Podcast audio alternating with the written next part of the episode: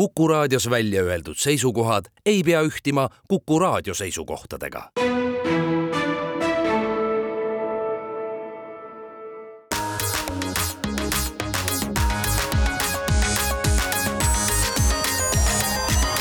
digitund. digitunnile ja digimaailmale annab hoogu Telia.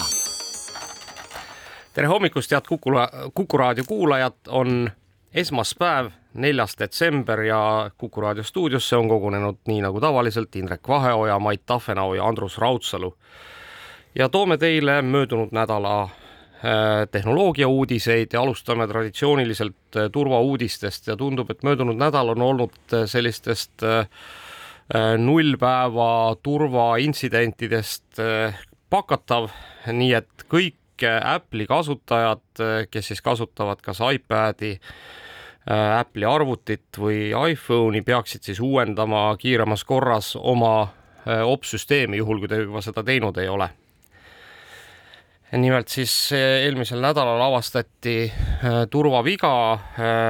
Apple'i WebKiti implementatsioonis, mis tähendab seda, et kõik siis Safari brauserid kõikidel teie seadmetel on potentsiaalne turvarisk. aga see pole kõik ka kõik need, kes kasutavad äh, Google'i Chrome'i, peaksid samamoodi oma Chrome'i uuendama, seda saab siis teha niimoodi, et äh, Chrome'il on seal äh, kuskil menüübaari peal kolm punkti, tuleb selle kolme punkti peale klikata ja sealt siis valida Chrome'i taaskäivitamine, see siis uuendab teie brauseri ära. Aga täpselt samamoodi siis umbes eelmise nädala kolmapäeval vist oli, neljapäeval tuli Apple'i uudis välja ja kolmapäeval oli siis see, kui Google teatas seda, et, et ka Chrome'is on nullpäeva turvaauk, nii et, nii et uuendage oma brausereid kas ma pean ütlema, et uuendamine on saanud ikkagi nagu täna väga tavaliseks, eks ju, et iga nädal tuleb midagi, mis tahab uuendust just sellepärast, et seal oli oluline turvaauk. aga ma arvan, et Google on teinud kõige paremat tööd just sellepärast, et noh, pärast seda, kui Chrome üldse nagu sai maailmas kuidagi nagu väga suureks brauseriks,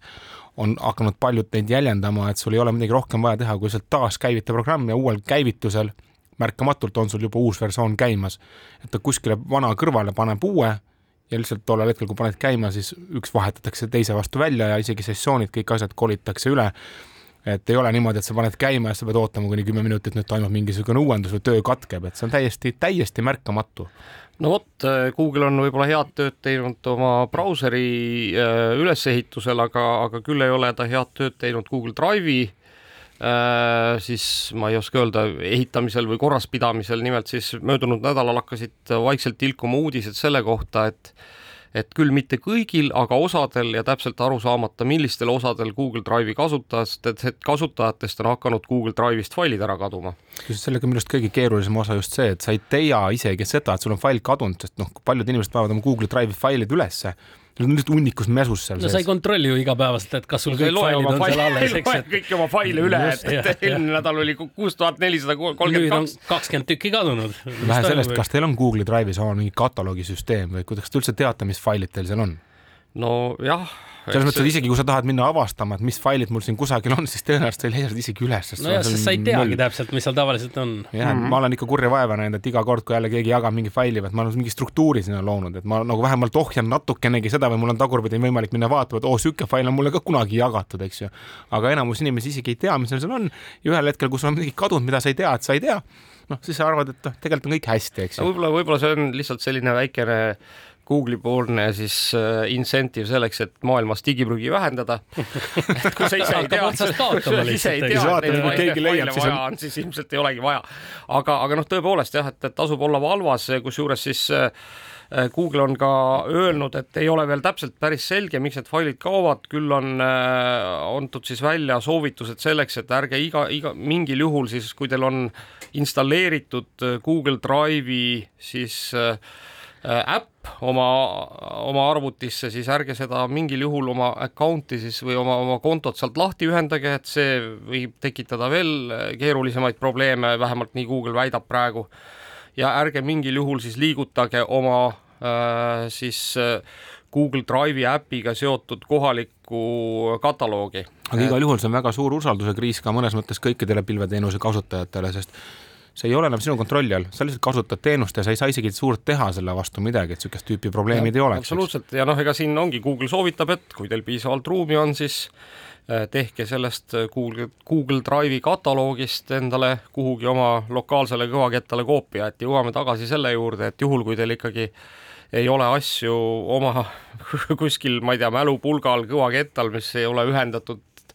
internetti või siis ühegi, ühegi arvutiga, siis teil ei pruugi neid asju üldse olemas aga olla. kolm kuus viie kasutajatel on olemas suur hulk tööriistu, millega tegelikult oma siis ettevõtte kolm kuus viis ära back-up ida, eks ju, tagamaks, et kui see kolm kuus viis ise, mis on küll back-up itud ja küll replitseeritud väga paljudesse andmekeskustesse, siis siiski, kui seal midagi juhtub, on sul võimalik minna oma back-up'i juurde ja võtta sealt tagasi mis tahes asi, kas see oli siis kolm kuus viie enda probleem või oli see krüptoviirus, kes näiteks, ma ei tea, kellegi arvuti kaudu läks ja siis kõikidele sünkroniseeritud failidele mingi pahateo nagu tegi, eks ju. et selles mõttes ka pilve tuleb oma vahenditega varundada, kui tegemist on ikkagi kriitilise varaga nojah, vot siin on nüüd, ongi keeruline, et ma arvan, et tänapäeva inimestel enamasti ei ole enam nagu kodus selliseid nagu massiivseid andmekandjaid, kuhu üldse seda kõike sa ei pea kusjuures seda kodu tegema, need teenused on olemas samamoodi pilvepõhisusel. ühest pilvest teise pilve. aga põhiline on see, et võiks võib-olla jälgida, et nad oleks siis erinevates pilvedes, et kui sul on kolm kuni viies, eks data no,, siis võib-olla peaks Google'isse back up ima. hoiad kolmes erinevas pilves ja igaks juhuks on mõned kõvakettad kodus ka olemas, sest et mine tea, eks. aga kõige samas... parem on see, et trükkige kõik välja ja pange oh. veel kuhugi sahtlisse ka. siis, siis on kindel nagu. kusjuures ka eelmine nädal oli üks teine nagu turvauudis oli OwnCloudi teemal, et kes teab, mis on OwnCloud, et tegemist on sellise äh, siis noh, kes ei taha võib-olla kasutada Microsofti Google'i teenust, et sa tõmbad endale oma failiserveri, mille sa installeerid oma serverisse ja siis sa saad oma arvutisse öelda, et see ongi nagu minu nii-öelda no siis mitte pilv, aga siis minu serveris olevad failid, mida sünkroniseeritakse sinu arvutisse nagu need pilveteenuste puhul. noh, sisuliselt töötab nagu Dropbox või, või noh, ega ta sisuliselt ongi nagu ütleme nii, et kui sa Dropboxi mingil põhjusel ei usalda ja tahad seda ise kontrollida, siis eh, enamasti need inimesed panid püsti OwnCloudi ja siis Äh, kasutasid seda täpselt samamoodi nagu Dropboxi kasutajad kasutavad Dropboxi. no põhimõtteliselt, eks ju, kes teab, mis on Dropbox, eks. jah, või, või no Google Drive'i for that matter, aga noh. no põhiline mõte on selles, et sul failid ei ole mitte alati ainult ühes arvutis, vaid sa saad sünkroniseerida need kuhu iganes, kellegi iganes ja teha nendega koos tööd, eks ju. ja seal on samamoodi oli eelmine nädal äh, suur turvanõrkus, eks ju, mille tulemusena siis tegelikult oli pihta pandav nii administraatori parool ja, ja, ja kõike muud, eks ju, mis sellega juba kõik kaasnevad, et selles mõttes nagu igatepidi suur probleem aga, aga minu jällegi sõbralik soovitus, et kui te endale niisugust tüüpi nagu tarkvara kasutusele võtate, ükskõik, on see siis äh, OwnCloud või mingisugune muu niisugune asi, mida te ise tahate man manageerida, siis väga kaval trikk on see, et pange see alati jällegi mingisuguse lisasammu taha, on see näiteks VPN siis antud juhul või piirake vähemalt IP-ga ära, kust sinna ligi saab. et see tagab selle, et, et kui niisugust tüüpi nõrkused tulevad, siis sinu infosüsteemi nagu kõige tähtsam osa, nagu siis see serveri osa, jääb äh, turvatuks ja kusjuures äh, nüüd kõigile OwnCloudi kasutajatele tõesti kutsun teid üles, et olge ettevaatlikud, sellepärast et äh, möödunud nädalal siis äh, Greynoise, kes on siis ettevõte, kes track ib kõikvõimalike turvaaukude kasutamist üle maailma, ütles, et, et seda OwnCloudi turvaauku ikkagi kasutatakse praegu väga aktiivselt, nii et juhul, kui te ei ole oma äh, süsteeme uuendanud, siis äh, tehke seda kindlasti või noh, olge, olge siis äh, ka võib-olla teadlikud sellest, et keegi võib olla juba teie äh, süsteemides sees käinud ja sealt midagi kaasa võtnud. aga no ma ütlen, see on nagu kaheastmeline tuvastus, eks ju, et kui sa kasutad kaheastmelist tuvastust selle jaoks, et lihtsalt ühte asja pead veel lisaks murdma sellele põhiasjale, siis sama asi on ka nende oma teenustega, et pane midagi vahele, pane VPN või mingid ligipääsukontrollid, mis iganes teenused, sa ei jõua neid kõiki asju update ida samal sekundil või teinekord tulevadki need turvaaugud välja siis, kui juba liiga hilja on, noh avalikult, eks, et keegi neid on juba väärkasutanud, et, et kui sa oled selle ettevaatusabi nagu kasutusele võtnud, siis sellega sa hoiad jällegi väga suure hulga potentsiaalset pahandust ära ja võib-olla, võib-olla üks äh, siis mitte päris turvauudis veel siia otsa, aga, aga uudis kõigile neile, kellel on siis äh, mingisugune Google'i konto, mida nad noh, ma ei tea, näiteks noh, võib-olla võib-olla, võib-olla siis sarna-, noh nagu sarnaselt Maidu soovitustele on on nagu kasutanud, et kunagi näiteks sinna mingisuguseid faile laadida ja hoida neid seal siis justkui nagu igavesti, eks, ja, ja sellises sõltumatus nagu failihoidlas, siis äh, Google hakkab sulgema vanu kontosid ja vanad kontod on siis kõik need, mida ei ole kahe aasta jooksul vist. kaks aastat on jah, see, see aeg, et kui sa selle aasta aja jooksul ei ole kasutanud, siis ta hakkab otsast kustutama, aga kui noh, nüüd äh, tuleb vähegi meelde, et selliseid kontosid on, siis piisab sellest, kui sa sealt äh, konto alt kas siis äh, saadad mõne meili või, või võtad mõne meili vastu või siis vaatad mõne Youtube'i video või ühesõnaga mingi aktiivse tegevuse. kuidagi peaks sisse logima ja midagi tegema, ühesõnaga selle aga jah, kui probleem on siis, kui on meelest ära läinud, siis password näiteks, kuidas sisse logida, et et noh, on võimalik muidugi Google'i vastavat teenust kasutada, aga noh, kui ikkagi kõik on läinud, noh, ega siis ei olegi selle kontoga midagi teha enam selle peale meenus, et ka Meta kustutas eelmine nädal meeletus koguses äh, pahasid kontosid ära, mis väidetavalt on tehtud siis äh, kõige muu kui meta kasutamise eesmärgil no meta kasutamise eesmärgil, eesmärgil kindlasti, aga mitte see ei ole siis õilis eesmärk. mitte sellel eesmärgil, nagu enamus inimesi metat kasutab, et et ilmselt siis pigem sellel eesmärgil, et eh, kuidagi selle meta kasutamisega kellelegi nagu ikkagi paha teha. Need vist olid väidetavalt ka Hiina päritolu, et eh, mis iganes siis eh, eesmärgid nendel kontodel olid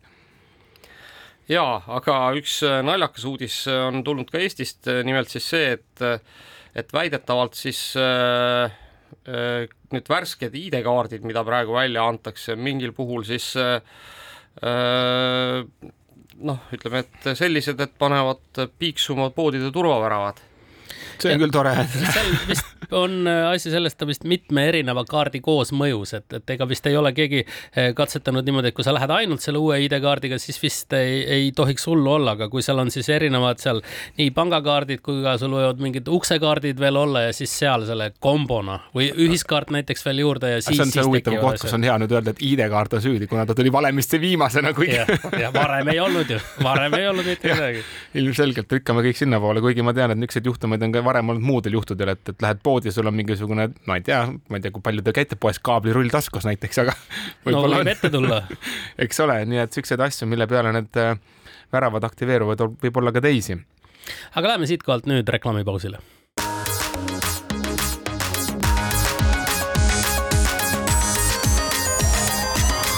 digitund.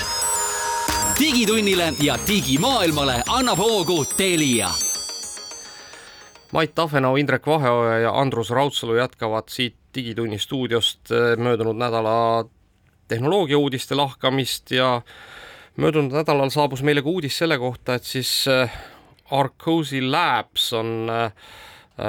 siis teinud uurimuse, et, et kui palju siis veebiliiklusest tegelikult tekitavad inimesed ja kui palju siis tekitavad mingisugused botid. Ja selgus, et, et tegelikult botid ilmselt tekitavad rohkem, aga pahatahtlikud botid ehk need, kes siis tegelikult tegelevad mingisuguse jamaga, moodustavad umbes kolmveerandi kogu internetiliiklusest. tehniliselt võiks öelda, et masinad on siis internetti üle võtnud või? juba ja kusjuures, kusjuures ikkagi nagu jama tekitavad masinad on ju. mitte siis heatahtlikud masinad. kuigi siin väike erinevus veel on, et masinad üle võtnud ei ole vist õige sõna, sest keegi juhib neid täna veel, see ei ole veel täna ai, kes seda kõike juhib, eks aga igal juhul päris niisugune karm number, kolm neljandikku, see ei ole nii, noh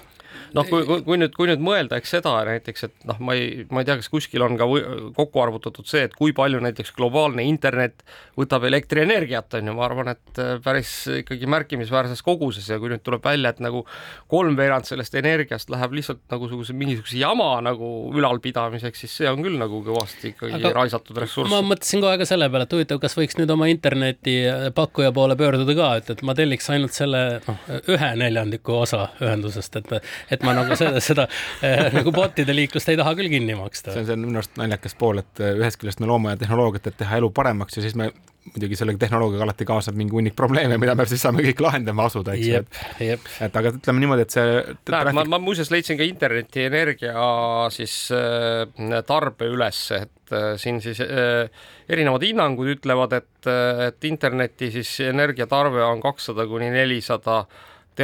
teravatt-tundi aastas. noh, paneme need andmekeskused juurde, kus ka need serverid istuvad, mille, mida me siis omakorda me kasutame, et see ei ole ainult internet, vaid meil peab olema ka vastasteenus ja see on palju kulukam kui väike internet selle küljes, eks ju. jah, aga, aga lisaks siis sellele kogu sellest energiatarbest kolm neljandikku läheb siis pahatahtliku eh, kogu energiakriis ei ole seotud sellega, et me tahame kodus tulesid põletada, vaid selles, et me tahame igasuguseid asju sealt internetist saada. ja kusjuures, kusjuures ma näen siin veel teist eh, numbrit, mis siis väidab, et, et lausa kaheksa kaheksasada teravat kilovatt-tundi elektrienergiat, noh, millest siis ainult hullemaks läheb. jah, just, millest siis kolmveerand on läinud siis pahatahtlike bot'ide liigutamisele edasi ja tagasi mööda internetti. võime siis öelda nii, et roheline maailm peitub äh, pimeduses aga võib-olla see teine pool ka, et ega tegelikult, kui te mõtlete, et, et kuidas need bot'id nii palju suure osakaalu internetist enda kätte saavad, noh, siis see on lihtne, eks ju, sa kirjutad endale kolm rida koodi ütled, et aga tõmba nüüd alla kõik või, või käi kõik läbi või otsi midagi, eks ju, et, et selles mõttes inimene ei suuda nii palju klikke teha kui masin, masin suudab teha päringus nagu minu pärast tuhandeid sekundeid ja selle jaoks ei ole teab mis võimast arvutit vaja, seda suudab teha enam-vähem teie nutikell, eks ju, kui anda õiged käsud just, aga noh, siin äh, võib-olla siin on siis see, et, et mille Euroopa Liit võiks järgmisena ette võtta, et noh, et hakkab ikkagi kontrollima, et mis koodi kirjutatakse. Kas, kas kood ikkagi ei tekita mingit soga on ju internetis no, ja mõttetut liiklust. see juba kõlab kontrollimatu ülesandena, aga no väga tore, aga lähme teise asja juurde, et niisugune äh, populaarne suhtlusplatvorm nagu Whatsapp on tulnud välja siis uue funktsiooniga, mis võimaldab siis kasutajatel privaatseid vestlusi veel parooliga kaitsta et äh, teadupärast siis äh, võib-olla tõesti, kui me kõiki vestlusi ei taha, et kohe oleks seal esimese asjana rakenduse sees, et oled teinud mingisuguse töö jutuajamise, kus võib-olla on hea, kui kui, kui keegi sinu konto üle võtab, siis kohe kõigile ligi ei saa, vaid peab veel täiendavalt äh, läbi murdma ja Whatsapp minu teada on päris populaarne meil siin riigis ja ja võib-olla kellelegi läheb see korda, nii et ma kontrollisin järgi, meil on täitsa see funktsioon olemas ja põhimõtteliselt tekib siis niimoodi, et paned Whatsappi käima ja siis sul keegi üleval on need peidetud vestlused, sinna omakorda klikkides toimub järjekordne turvatuvastus, kas siis see PIN kood, mis sul telefonil on, või näotuvastus. Ja sealt siis omakorda saad alles nendele vestluste nimekirjale ligi ja saad hakata neid vestlusi lugema, natuke ebamugavam, aga kui teil on tõesti mingi turvalisus on seda väärt, ma arvan. no just võib-olla, võib-olla on see kellelegi oluline, kes aga igal juhul vähemalt on ta juba meil saadaval, et see ei ole niimoodi, et, et noh, et kuskil on ja võib-olla tuleb Euroopasse ka, vaid ikkagi juba praegu igal no vot, vot, vot, kui sa nüüd, Indrek, räägid sellest, et kuskil on ja juba tuleb Euroopasse ka, siis mm -hmm. nüüd äh, rõõmustame kõiki neid, kes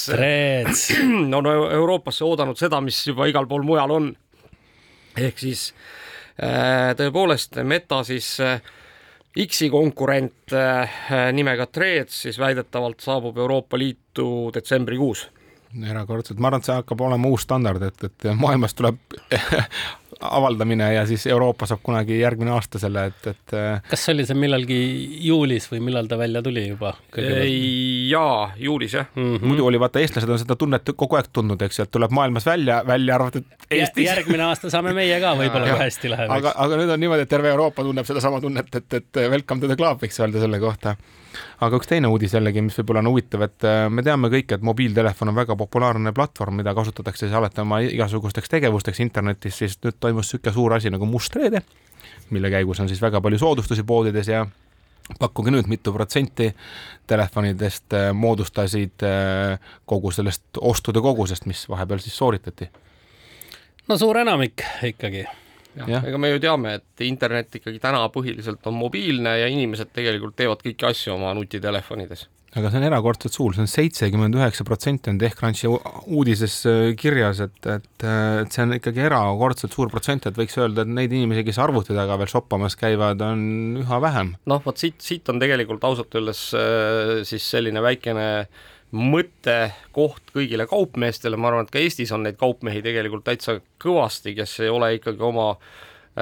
noh e, e-poodi väga hästi mobiiltelefonile optimeerinud, et, et noh, kui te seda järgmiseks, järgmisteks äh, mustadeks reedeteks ära ei tee, et siis noh, üsna tõenäoline on see, et te ühel hetkel olete mängust väljas, nii et isegi kui keegi tahab osta, siis ta ei, ei suuda hakkama saada, läheb ikka mujale, eks. ega see rong tagurpidi käima ei hakka, et selles mõttes selgelt see trend näitab praegu, et et noh, see protsent läheb ikkagi suuremaks, mobiiltelefonis ostud tehakse ja ja noh, kui sa maha jääd sellest, eks, eks muidugi võid loota, et tulevad inimesed kohale ja tulevad ka,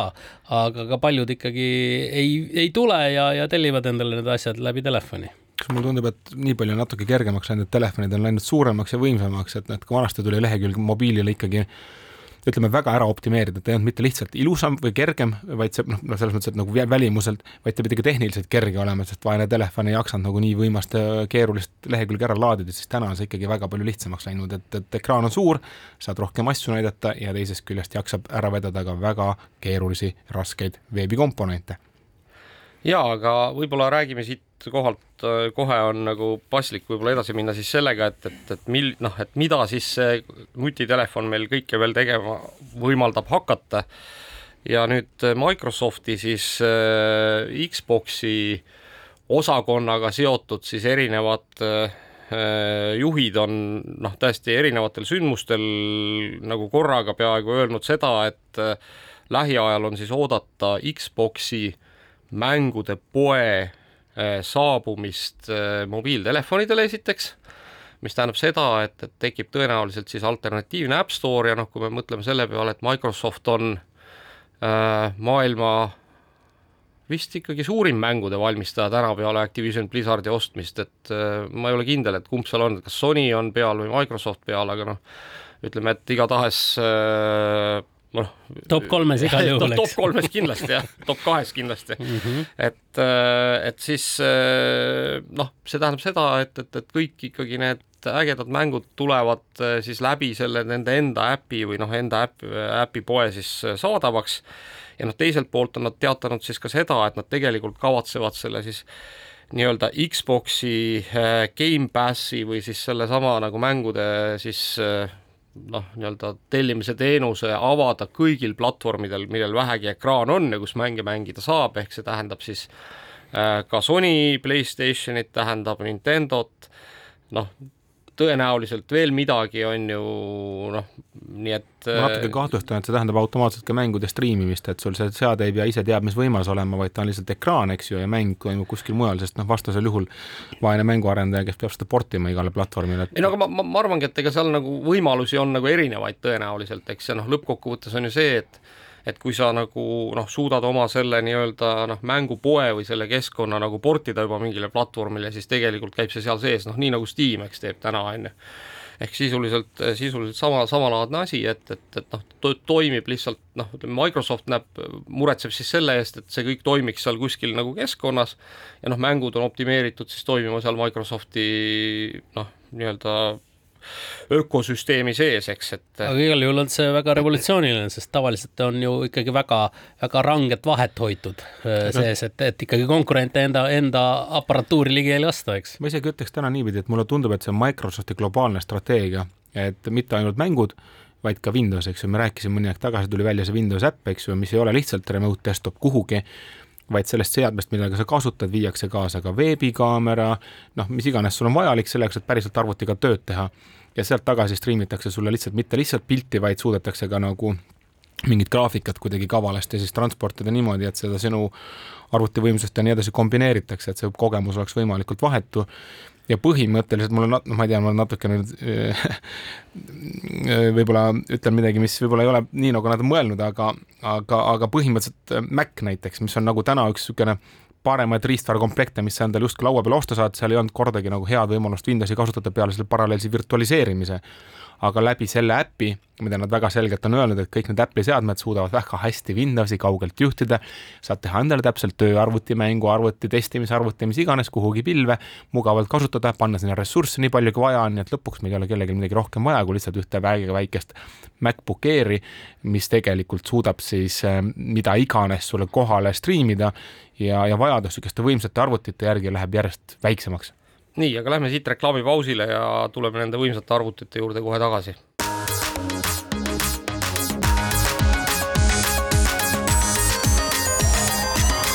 digitund. digitunnile ja digimaailmale annab hoogu Telia Mait Tafenau, Indrek Vaheoja ja Andrus Raudsalu jätkavad siit Digitunni stuudiost möödunud nädala tehnoloogiauudiste kajastamist ja noh, ma sain siit natukese inspiratsiooni sellest äh, Microsofti pilvesaagast, et räägime siis pilvest edasi.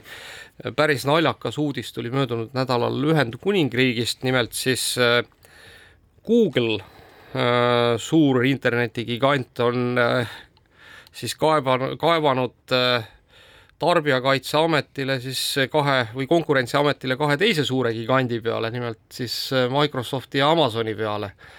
ja noh, ütleme, et äh, Google siis äh, ütles, et äh, Microsofti ja Amazoni praktikat selles, kuidas nad meelitavad inimesi oma siis pilveteenuseid kasutama, on ikkagi sellised, mis teistel turul toimetada ei lase ja sellest teatavasti on nii, et et eh, vist hetkel Microsofti Azure'i pilveteenused on ikkagi vist juhtivad pilveteenused, noh, ma ei tea küll, kuidas seal selle Amazoni ja Microsofti nagu suhe on, aga igatahes vähemalt Ühendkuningriikides on Amazoni ja Microsofti käes siis umbes üheksakümmend protsenti turust ja Google, kes ka tegelikult on ikkagi suhteliselt suur pilveteenuste pakkuja, on siis omab seda ülejäänud kümmet protsenti või noh, ja või- ja võib-olla siis ri- riburada seal mingi paar protsenti on kõigi ülejäänute maailma vahe, maailmas vahel laiali jagatud. Aga noh, naljakas on siis jah see, et, et et Google, kes ise nagu võiks paljudes kohtades olla nagu ikkagi monopolistlikus seisus, on nüüd siis kaevanud kahe teise monopoli peale, kes ei lase tal äri teha. Aga huvitav, kas see on siis praegu ainult Briti turul või, või on ka Euroopa Liidu kaebus noh, ei, esialgu, esialgu, esialgu, esialgu on ainult Briti turul, aga eks ma arvan, et see võib-olla on ka selline, et et eks nad vaatavad, et, et kuidas läheb. kuidas läheb ja väiksema turu peal ja, ja siis edasi on juba Ameerika turg ja Euroopa turg. see on natuke ringkäendus, et ühest küljest nagu no, ühe peale kaebame, saame sealt mingi raha, siis teine tahab seda tagasi saada, siis pead järgmisele kaebuse niimoodi see pööris on seal, et see käive liigub aga rääkides, võib-olla siit ongi nagu paslik minna edasi siis äh, selle teise siis äh, nii-öelda pahalasega Microsofti kõrval ehk Amazoniga, kelle peale siis Google kaebas, et Amazonil oli ka siis äh, möödunud nädalal siis selline Amazoni siis just nimelt veebiteenuste noh, reklaamimise üritus nimega Reinvent Las Vegases, kus muuhulgas näidati siis päris huvitavat asja, nimelt näidati siis noh, mina ütleks, et see võiks olla nagu Amazoni vastus Chromebookile ehk sisuliselt on siis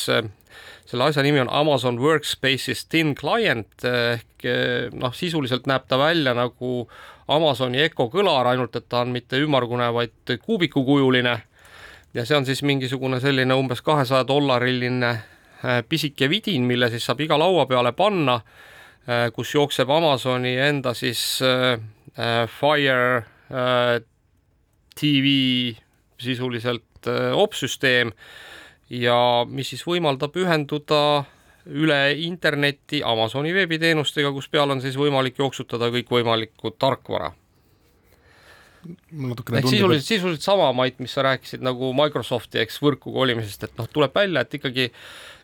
noh, enamus suuri, kellel on piisav veebitaristu olemas, üritavad siis kogu oma tarkuse sinna kolida ja hakata siis seda müüma inimestele. Kas te mäletate, umbes kakskümmend aastat tagasi oli tegelikult päris suur laine selline, kus sinu kontoris samuti toodi sulle laua peale ainult niisugune väike klots, ühendati monitori järgi ja see tegelikult server, mille taga see ühendus oli, oli kuskil serveri ruumis tulemusena olid ilusad puhtad lauad, ainult monitor, klaviatuur, väikene no niisugune paari telefoni suurune klotsikene, kus siis juhtmed külge läksid. Ja ja lihtsalt selle nagu täna nagu uus tulemine on nagu väga selgelt nagu trend, eks ju, et need teenused kolivad pilve, arvutit kasutad ainult siis, kui sa parasjagu selle arvuti taga oled, igal muul juhul ta nagu seal magab, eks ju, hoitakse ainult sinu andmeid alles, tahad suuremat, võtad suurema. Ja mõnes mõttes tegelikult on siin väike roheline jalajälg ka, et, et potentsiaalselt ma näen, et et, et võib-olla ka mõned vanad arvutid on tänu sellele jällegi pikemat aega kasutatavad, et ta ise enam ei jaksaks kõiki uusi asju teha. aga jällegi võtad aga kaugelt, ei ole vajagi, eks ju. võtad kaugelt pildi ette, eks ju, ja tegelikult see vana arvuti võib saada täitsa uue hingamise seeläbi. et selles mõttes nagu täitsa võib-olla isegi tervitatav lähenemine ja, ja, ja tundub, et ka võrguühendused on nii palju heaks läinud ja need tehnoloogiad on nii palju arenenud, et see on täna võimalik üldsegi, et sa ei pea nagu noh, vanasti oli see remote desktop ikkagi häda, et kui ta kaugelt oli, siis ta ikkagi vahel oli aeglane ja võib-olla ikkagi nagu päris tööd seal ikka kogu aeg teha ei tahtnud, sest noh, noh häirib, kui ta ei, ei ole nii sujuv, aga noh, tänasel päeval ikkagi see nii suur mure enam ei ole ja teisest küljest äh,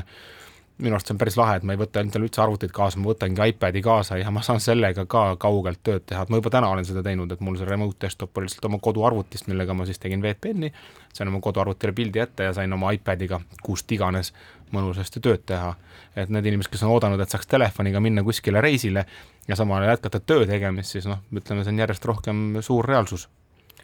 ja muuseas, Amazon näitas siis ka seal äh,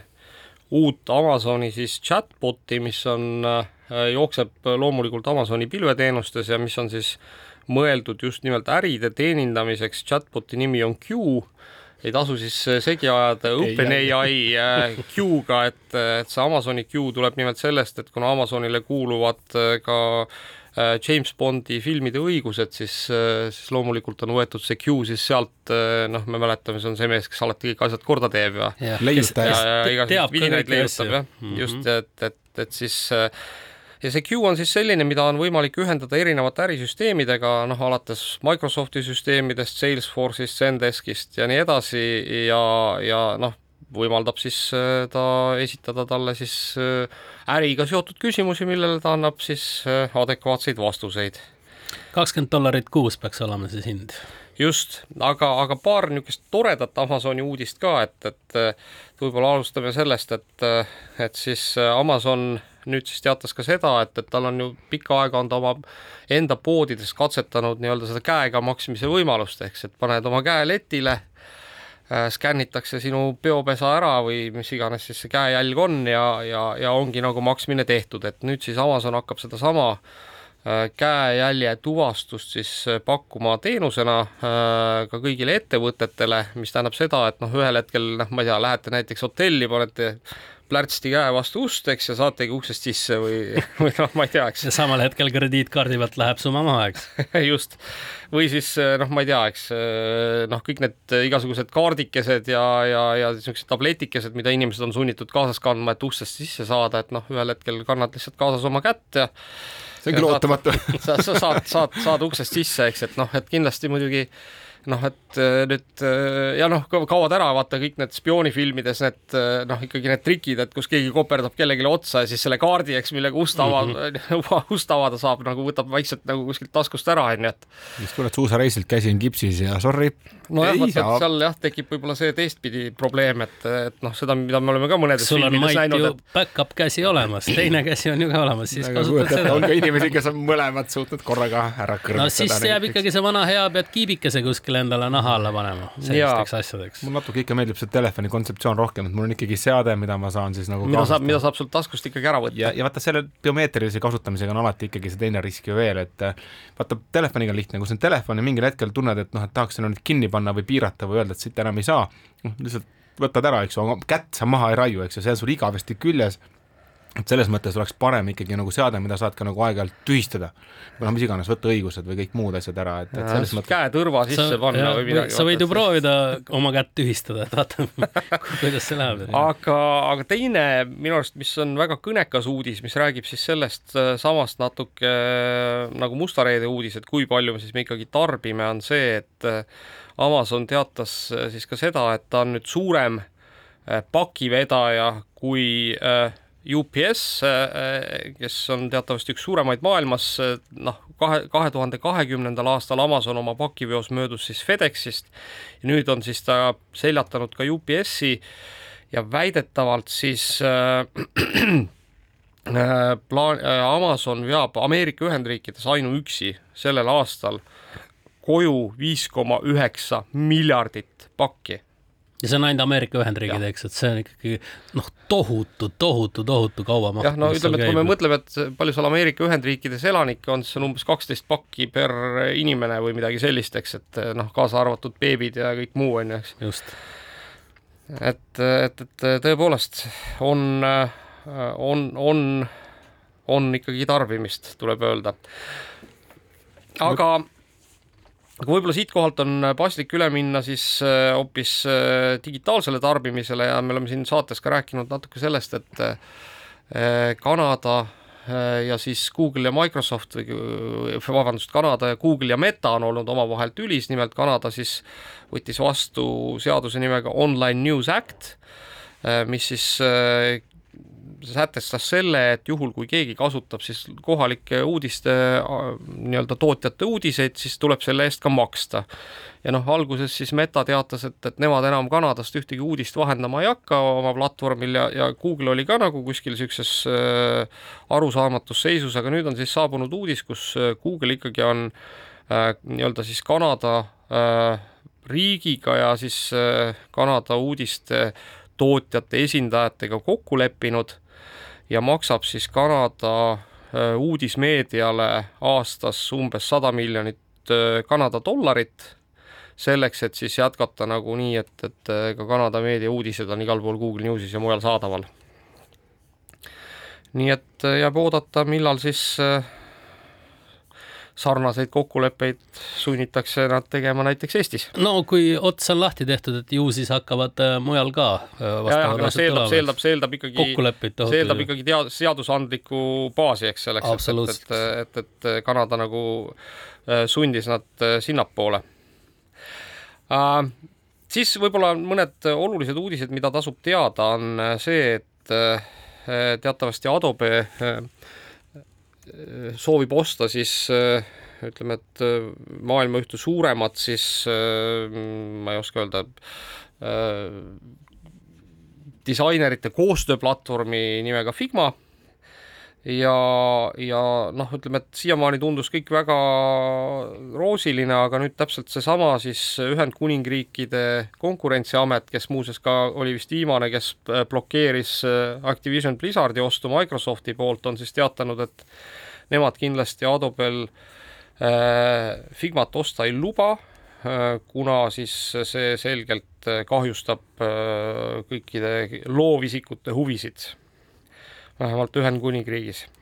tundub sihuke, et Ühend, Ühendkuningriigid on saamaski selliseks äh, nagu heaks testplatvormiks, mille peal siis erinevaid kohtuasju katsetada ja nii edasi, kuna maht on piisavalt suur, et äh, selle peale tähelepanu pöörata ja piisavalt väike, et, et saaks nagu asju testida. et noh, Euroopa ja Ameerika turg siis, eks ju, ja Aasiast rääkimata veel sinna otsa ja kusjuures äh, jah, eks seal nagu see, et, et, et, et kuidas äh, kuidas siis, mida lubada ja, ja, ja, ja, ja kuidas, eks see on jah, saab olema nagu selline oluline nagu tulevikus ka, et, et, et noh, tegelikult see, et meid kaitstakse selle eest, et, et tekiksid väga suured monopolid, on, on, okay. on, on väga vinge ja muuseas, monopolide vastu astus välja ka äh, möödunud nädalal siis äh, ikkagi Elon Musk loomulikult äh,, kes siis äh, äh, kelle siis Äh,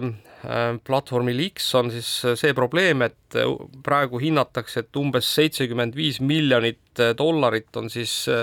kvartaalsed reklaamitulud X-il kahanenud, noh, me teame, mis selle taga on, eks, Musk'i kõikvõimalikud äh, sekeldused seal platvormil, tema väljaütlemised, eks, reklaamiandjate suunas ja nii edasi, ja nüüd on siis Musk teatanud, et ta tegelikult ei kavatsegi nagu suurte tegijatega enam tegemist teha, vaid hakkab keskenduma hoopis keskmistele ja väikestele ettevõtetele, sellepärast et nendega on palju parem äri ajada, noh, ütleme, et noh, iseenesest kõik on õige, eks, et, et kui me vaatame, et siis keskmised ja väikesed ettevõtted ikkagi moodustavad ettevõtetest nagu selle põhimassi, on ju, ongi niisugune maasool, et et noh, kindlasti on need nagu palju raskem raha kokku korjata, kui kui noh, ütleme suurtelt ettevõtetelt, eks miljonite ja mil-, kümnete miljonite kaupa raha sisse kasseerida, aga kui Musk sellega hakkama saab, et siis võib X-il olla nagu päris äh, tugev äh, nii-öelda siis äh, platvorm, mille pealt edasi tegutseda, aga noh, ütleme, et nende siis nii-öelda suurte nagu monopolistide vastu on ta siis äh, ikkagi asunud äh, asunud nagu selgelt ka avalikku sõtta, et, et äh, siis Dealbook Summitil äh, New Yorgis ta teatas seda, et, et siis kõik need suured, on ju, kes on tahtnud tema siis äh, äh, platvormil osta reklaami ja siis talle mingisuguseid ettekirjutusi seoses sellega teinud, et kuidas ta käituma peaks, siis äh, nendele ta siis ütles lava, lavalt avalikult, et go F yourself isegi mitu korda. Ja noh, muuhulgas istus seal siis ka auditooriumis Disney näiteks juht Bob Iger, kellele siis äh, kelle poole siis Elon Musk veel spetsiifiliselt eraldi pöördus, et, et ühesõnaga selge on see, et, et tõenäoliselt need suured ettevõtted enam X-is ennast reklaamima ei hakka, aga aga saame siis näha paljude väikeste ettevõtete reklaame. aga nüüd lähme kuulame ise natuke reklaami ja oleme juba mõne hetke pärast tagasi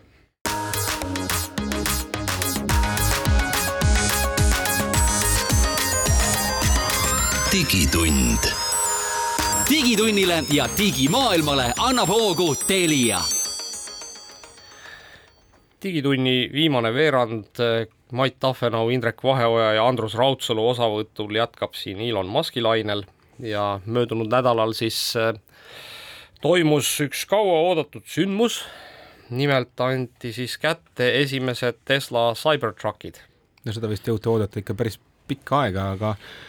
oodati ju mitu aastat tagasi juba esimeste autode no, kättesaamist. kahe tuhande üheksateistkümnendast vist me ootame siin seda. jah, no iga, igatahes on tegemist ebatavalise autoga, et see, kes ei ole veel seda pilte näinud, eks ju, siis ta on niisugune roostevabast terasest plaatidega tehtud niisugune ülikandiline auto ja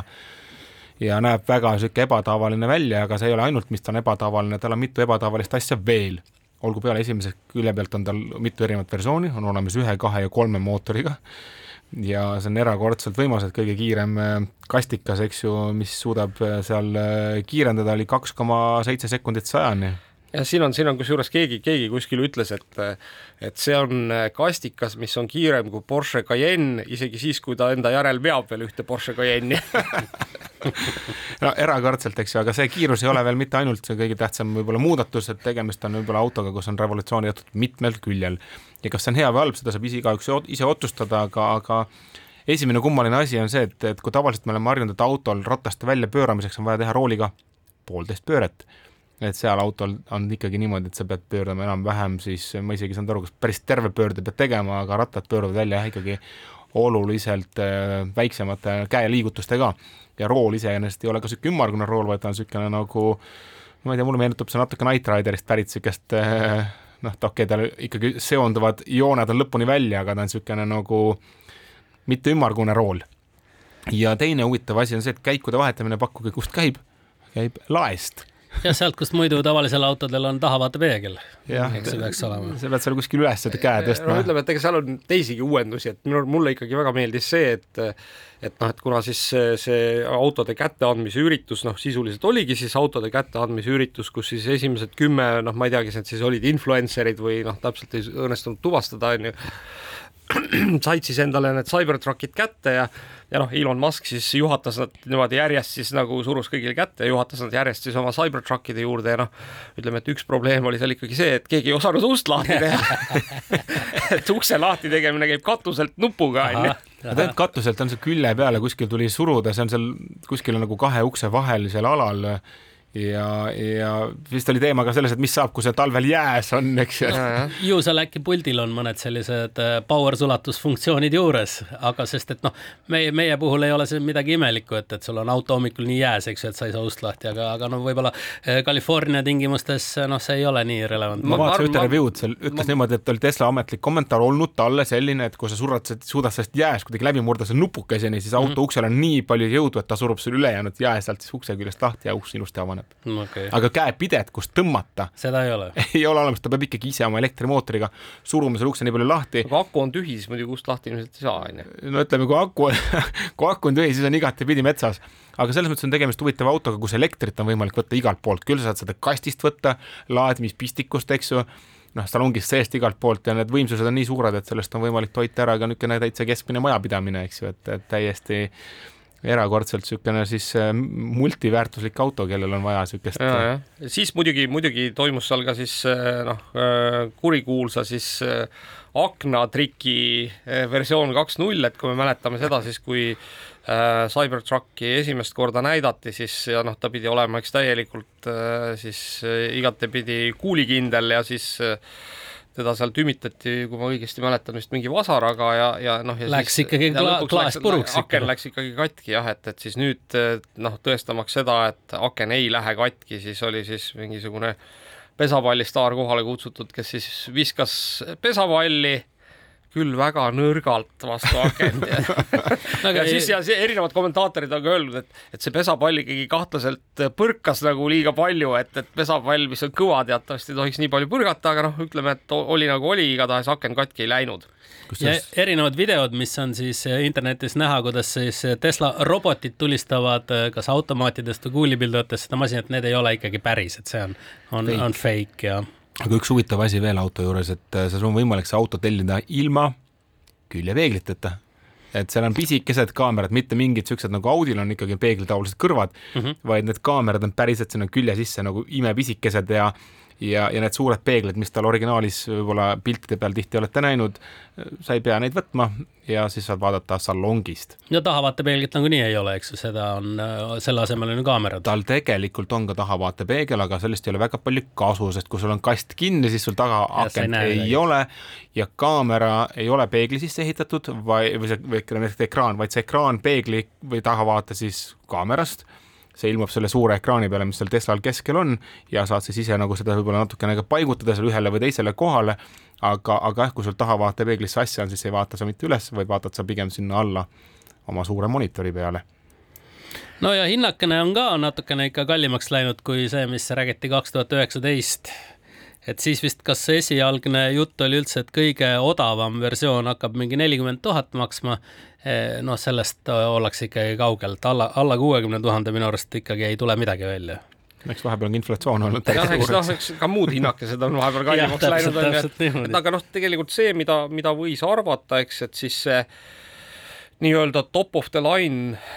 mudel, mille nimi on siis Cyberbeast äh, ja millel on tõesti vist äh, enam kui kaheksasada hobujõudu. kaheksasada nelikümmend viis. jah, just ja mis siis kiirendab kahe koma kuue sekundiga siis sajani ja noh, ma arvan, et ta suudab tõesti seda oma kaheksasaja neljakümne viie hobujõuga seda Porsche Cayenne'i isegi niimoodi järgi vedada, kui selle käsipidur ka peale ikka kiirendab kahe koma seitsme sekundiga sajani. aga saja tuhandega peab siis miinimum seal arvestama. aga igal juhul tegemist on veel natukene väiksema autoga, kui originaalis välja reklaamiti, et mõõdud on kergelt läinud kitsamaks, väiksemaks ma arvan, ma arvan, auto on küll väiksem, aga see-eest kallim. ma arvan, ma arvan, et põõdud läksid kitsamaks selle tõttu, et need, vaata need äh, kurikuulsad, need paneelide vahelised praod nagu likvideeriti ära, et selle tõttu läks nagu asi natuke kokku, onju. aga siitkohalt peame ka oma saate tänaseks kokku tõmbama ja kohtume kuulajatega jälle nädala pärast.